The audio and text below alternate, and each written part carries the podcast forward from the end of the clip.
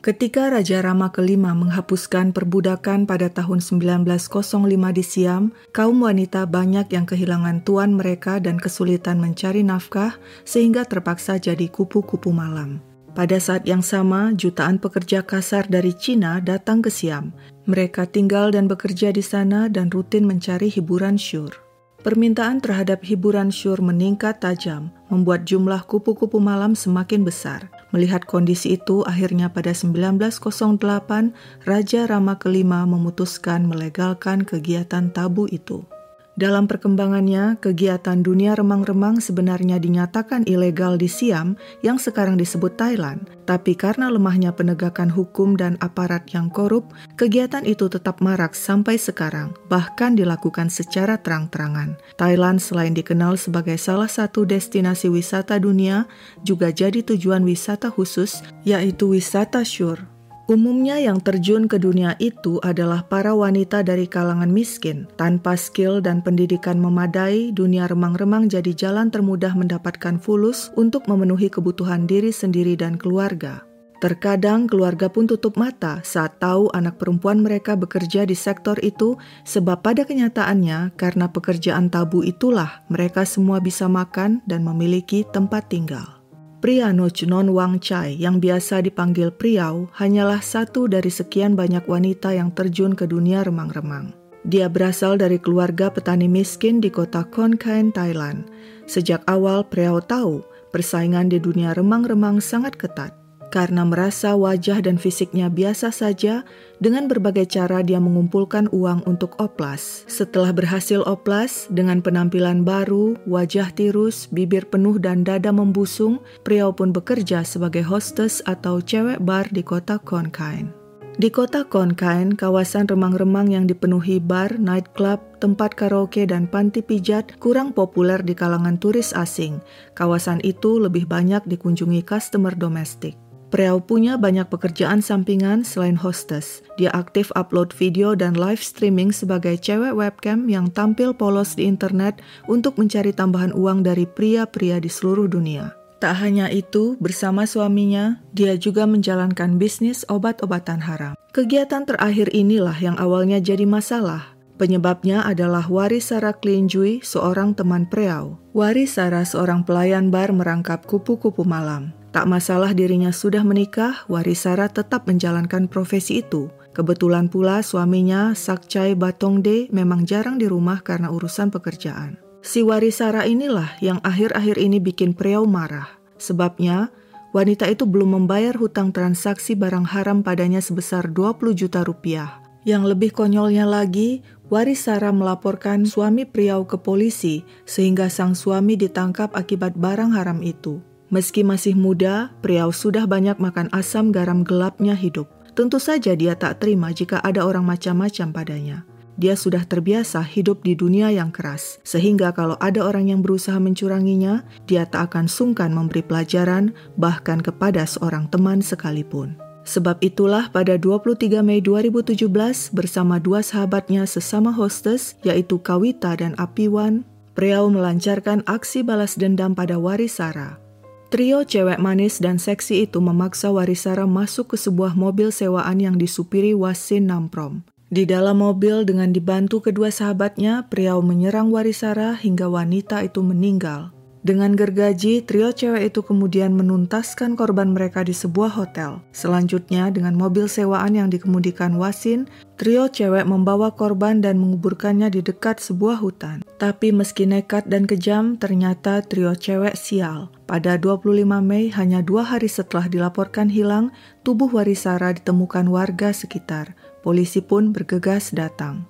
Wanita itu bisa segera diidentifikasi sebab ada tato unik di dadanya yang bertuliskan Poppy. Jika tato itu tidak ada, mungkin proses identifikasi akan berlangsung lebih lama.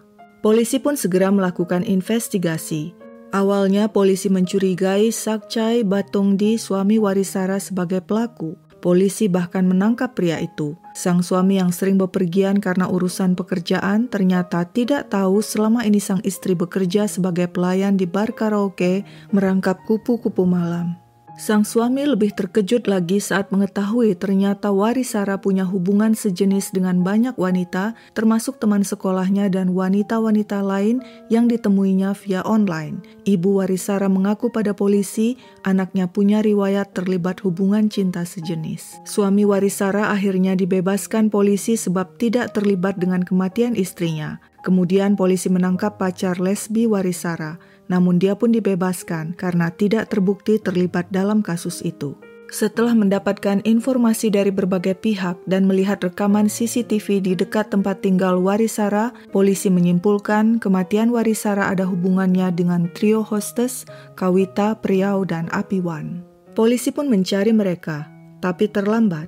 Trio cewek itu telah kabur ke Myanmar. Wasin, sang sopir, dan pacarnya Jidarat sudah kabur terlebih dulu ke Laos. Di Myanmar, trio hostess sempat bekerja di sebuah bar karaoke, tapi karena khawatir polisi mengendus keberadaan mereka, ketiganya masuk ke pelosok kampung dan bersembunyi di sana.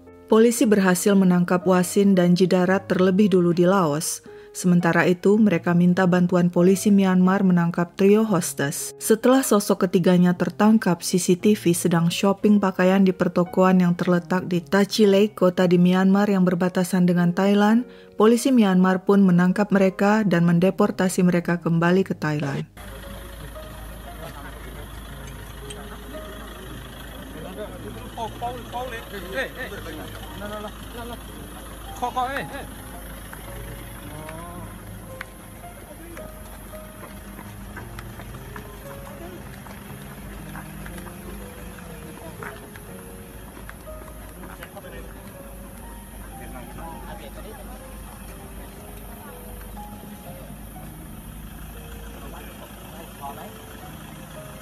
Saat diinterogasi polisi Thailand, terungkap otak pembunuhan Warisara adalah Priau. Tapi Priau mengaku dia sebenarnya tak pernah berniat menghabisi Warisara. Dia hanya ingin memberi pelajaran, tapi apa daya wanita itu melawan, sehingga Priau gelap mata dan kebablasan menghabisi temannya itu. Tak sedikit pun penyesalan yang ditunjukkan Priau, Kawita, dan Apiwan. Kemudian diketahui usai membunuh, Priau malah mengunggah fotonya di medsos mengenakan t-shirt Chucky si boneka pembunuh, seolah ingin memamerkan aksi keji yang baru saja dilakukannya. Nah, setelah ditangkap inilah sebenarnya drama dimulai. Semuanya terjadi akibat publikasi media, kehebohan di media sosial, dan obsesi masyarakat terhadap hal-hal brutal dengan kombinasi dunia esek-esek. Ketika polisi menggelar jumpa pers perihal penangkapan Priau CS, media berbondong-bondong hadir melebihi konferensi pers terhadap pemboman yang terjadi tahun 2015 di Raja Prasong, Bangkok yang banyak menelan korban. Sejak hari itu, 80% pemberitaan media hanya tentang Priau melulu. Saban hari media mainstream menayangkan berita tentang trio cewek sadis itu. Mereka disebut sebagai murder babes karena usia mereka yang masih tergolong muda, serta wajah dan fisik mereka yang menarik, bukannya mendapat sorotan negatif. Sebaliknya, trio itu malah mendapat sorotan positif layaknya orang terkenal, layaknya selebriti. Media bahkan memuji Priau sebagai anak berbakti pada orang tuanya. Tak ketinggalan netizen ikut memviralkan trio itu, terutama Priau dengan puja-puji dan kekaguman. Mereka tidak lagi melihat aksi keji yang sudah dilakukan trio itu. Priau menjadi fokus utama sebab dia adalah otak pembunuhan dan punya karakter kompleks. Dia cantik tapi berbahaya. Dia amoral tapi juga berbakti pada keluarganya, memberi uang dan membangun rumah untuk mereka. Kontradiksi ini membuat orang ingin terus-menerus mengikuti kisahnya. Foto-foto seksi dan hedon Priau yang diunggah di akun media sosialnya pun tersebar di media mainstream. Dia kerap memamerkan uang yang dimilikinya dan tanpa malu mengumbar aurat. Salah satu channel televisi malah nekat menayangkan telpon syur Priau dengan seorang lelaki hingga semua penonton bisa mendengar desah wanita itu. Media dan masyarakat jadi terobsesi pada Priau yang cantik dan seksi.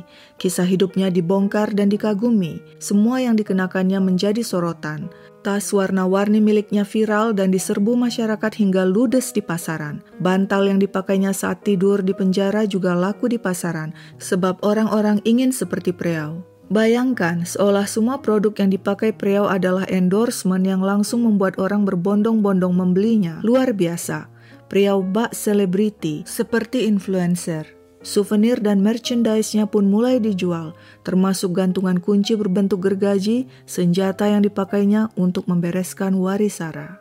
Tapi tak hanya media mainstream dan netizen lewat media sosial memberikan tempat istimewa kepada trio itu, polisi pun memperlakukan mereka dengan istimewa, Priau, Kawita, dan Apiwan dijamu makanan dan snack, bebas merokok di kantor polisi, bebas bermakeup bahkan memakai masker kecantikan, serta berfoto-foto sambil tertawa-tawa dengan aparat. Saat ditanya mengapa mereka diizinkan berdandan seperti itu, polisi berdalih itu adalah SOP. Polisi mengizinkan wanita berdandan sebelum digelar jumpa pers. Semua berlomba merayakan trio kriminal itu, terutama Priau yang sekarang statusnya sama dengan selebriti. Dipuja dan diidolakan, masyarakat seolah lupa trio itu adalah kriminal.